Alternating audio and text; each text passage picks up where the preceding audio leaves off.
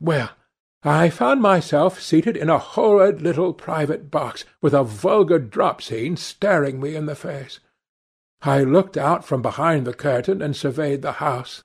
It was a tawdry affair, all cupids and cornucopias, like a third-rate wedding-cake. The gallery and pit were fairly full, but the two rows of the dingy stalls were quite empty, and there was hardly a person in what I suppose they called the dress-circle. Women went about with oranges and ginger beer, and there was a terrible consumption of nuts going on. It must have been just like the palmy days of the British drama. Just like, I should fancy, and very depressing. I began to wonder what on earth I should do when I caught sight of the playbill. What do you think the play was, Harry? I should think The Idiot Boy, or Dumb but Innocent. Our fathers used to like that sort of piece, I believe. The longer I live, Dorian, the more keenly I feel that whatever was good enough for our fathers is not good enough for us. In art, as in politics, les grands-pères ont toujours tort. This play was good enough for us, Harry. It was Romeo and Juliet. I must admit that I was rather annoyed at the idea of seeing Shakespeare done in such a wretched hole of a place. Still, I felt interested in a sort of way. At any rate, I determined to wait for the first act. There was a dreadful orchestra, presided over by a young Hebrew who sat at a cracked piano that nearly drove me away. But at last the drop scene was drawn up, and the play began. Romeo was a stout elderly gentleman, with corked eyebrows, a husky tragedy voice, and a figure like a beer-barrel. Mercutio was almost as bad. He was played by the low comedian who had introduced gags of his own and was on most friendly terms with the pit. They were both as grotesque as the scenery, and that looked as if it had come out of a country booth. But Juliet!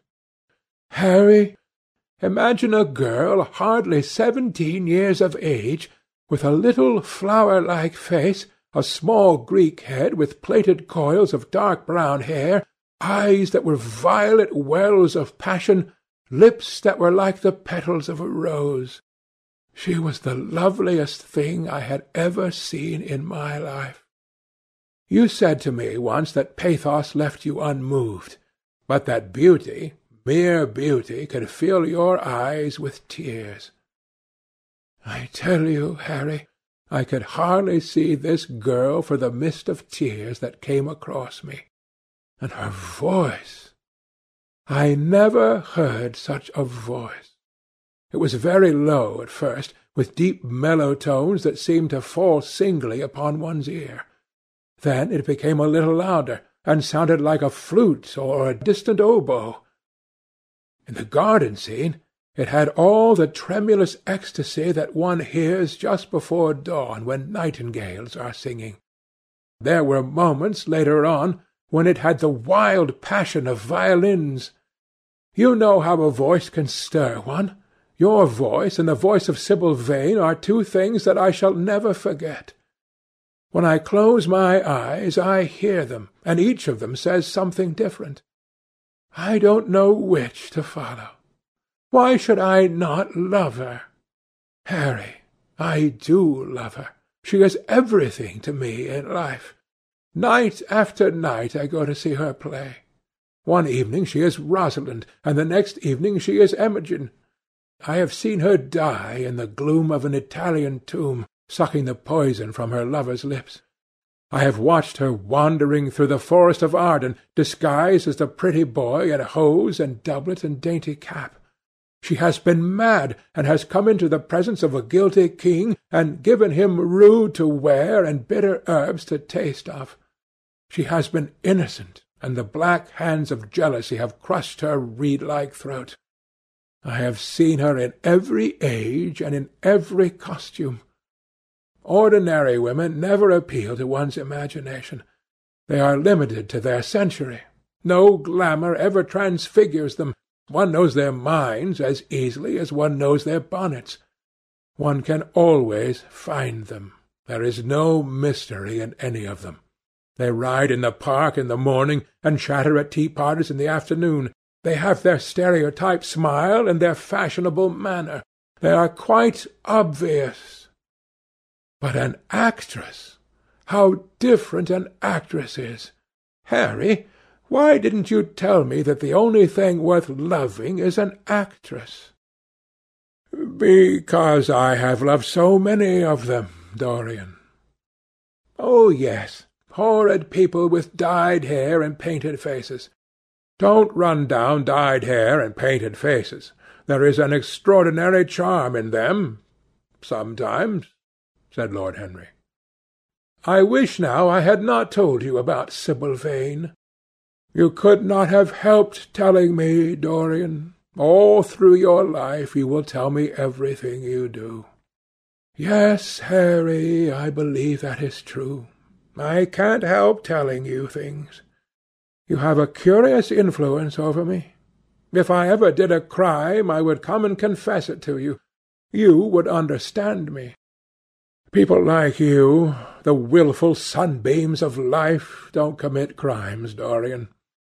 But I am much obliged for the compliment all the same. And now tell me. Reach me the matches like a good boy. Thanks. What are your actual relations with Sibyl Vane? Dorian Gray leaped to his feet, with flushed cheeks and burning eyes. Harry, Sibyl Vane is sacred. It is only the sacred things that are worth touching, Dorian, said Lord Henry, with a strange touch of pathos in his voice. But why should you be annoyed? I suppose she will belong to you some day. When one is in love, one always begins by deceiving oneself and one always ends by deceiving others. That is what the world calls a romance. You know her, at any rate, I suppose. Of course I know her. On the first night I was at the theatre, the horrid old Jew came round to the box after the performance was over, and offered to take me behind the scenes and introduce me to her. I was furious with him, and told him that Juliet had been dead for hundreds of years, and that her body was lying in a marble tomb in Verona. I think, from his blank look of amazement, that he was under the impression that I had taken too much champagne or something. I am not surprised. Then he asked me if I wrote for any of the newspapers. I told him I never even read them. He seemed terribly disappointed at that, and confided to me that all the dramatic critics were in a conspiracy against him, and that they were every one of them to be bought. I should not wonder if he was quite right there. But, on the other hand, judging from their appearance, most of them cannot be at all expensive. Well, he seemed to think they were beyond his means, laughed Dorian. By this time, however, the lights were being put out in the theatre, and I had to go. He wanted me to try some cigars that he strongly recommended. I declined. The next night, of course, I arrived at the place again. When he saw me, he made me a low bow, and assured me that I was a munificent patron of art. He was a most offensive brute, though he had an extraordinary passion for Shakespeare. He told me once, with an air of pride, that his five bankruptcies were entirely due to the Bard, as he insisted on calling him. He seemed to think it a distinction. It was a distinction, my dear Dorian, a great distinction. Most people become bankrupt through having invested too heavily in the prose of life. To have ruined one's self over poetry is an honour. But when did you first speak to Miss Sibyl Vane? The third night. She had been playing Rosalind. I could not help going round. I had thrown her some flowers, and she had looked at me. At least I fancied that she had. The old Jew was persistent. He seemed determined to take me behind, so I consented. It was curious my not wanting to know her, wasn't it? No, I don't think so. My dear Harry, why? I will tell you some other time. Now I want to know about the girl. Sibyl, Oh, she was so shy and so gentle. There is something of a child about her. Her eyes opened wide in exquisite wonder when I told her what I thought of her performance, and she seemed quite unconscious of her power. I think we were both rather nervous. The old Jew stood grinning at the doorway of the dusty green-room, making elaborate speeches about us both, while we stood looking at each other like children. He would insist on calling me my lord, so I had to assure Sibyl that I was not anything of the kind. She said quite simply to me, "You look more like a prince. I must call you Prince Charming." Upon my word, Dorian, Miss Sibyl knows how to pay compliments. You don't understand her, Harry. She regarded me merely as a person in a play. She knows nothing of life. She lives with her mother, a faded, tired woman who played Lady Capulet in a sort of magenta dressing wrapper on the first night, and who looks as if she had seen better days. I know that look. It depresses me, murmured Lord Henry, examining his rings. The Jew wanted to tell me her history, but I said it did not interest me. You were quite right. There is always something infinitely mean about other people's tragedies. Sibyl is the only thing I care about. What is it to me where she came from? From her little head to her little feet, she is absolutely and entirely divine. Every night of my life I go to see her act, and every night she is more marvellous.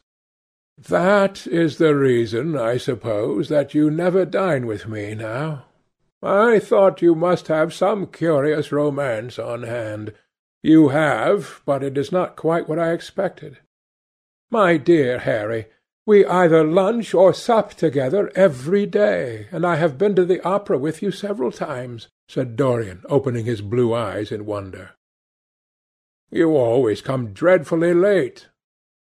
Well, I can't help going to see Sibyl play, he cried, even if it is only for a single act. I get hungry for her presence, and when I think of the wonderful soul that is hidden away in that little ivory body, I am filled with awe. You can dine with me to-night, Dorian, can't you? He shook his head. To-night she is Imogen, he answered, and tomorrow night she will be Juliet. When is she Sibyl Vane? Never. I congratulate you. How horrid you are! She is all the great heroines of the world in one. She is more than an individual. You laugh, but I tell you she has genius. I love her, and I must make her love me. You, who know all the secrets of life, tell me how to charm Sibyl Vane to love me. I want to make Romeo jealous. I want the dead lovers of the world to hear our laughter and grow sad. I want a breath of our passion to stir their dust into consciousness, to wake their ashes into pain. My God, Harry, how I worship her!" He was walking up and down the room as he spoke. Hectic spots of red burned on his cheeks. He was terribly excited,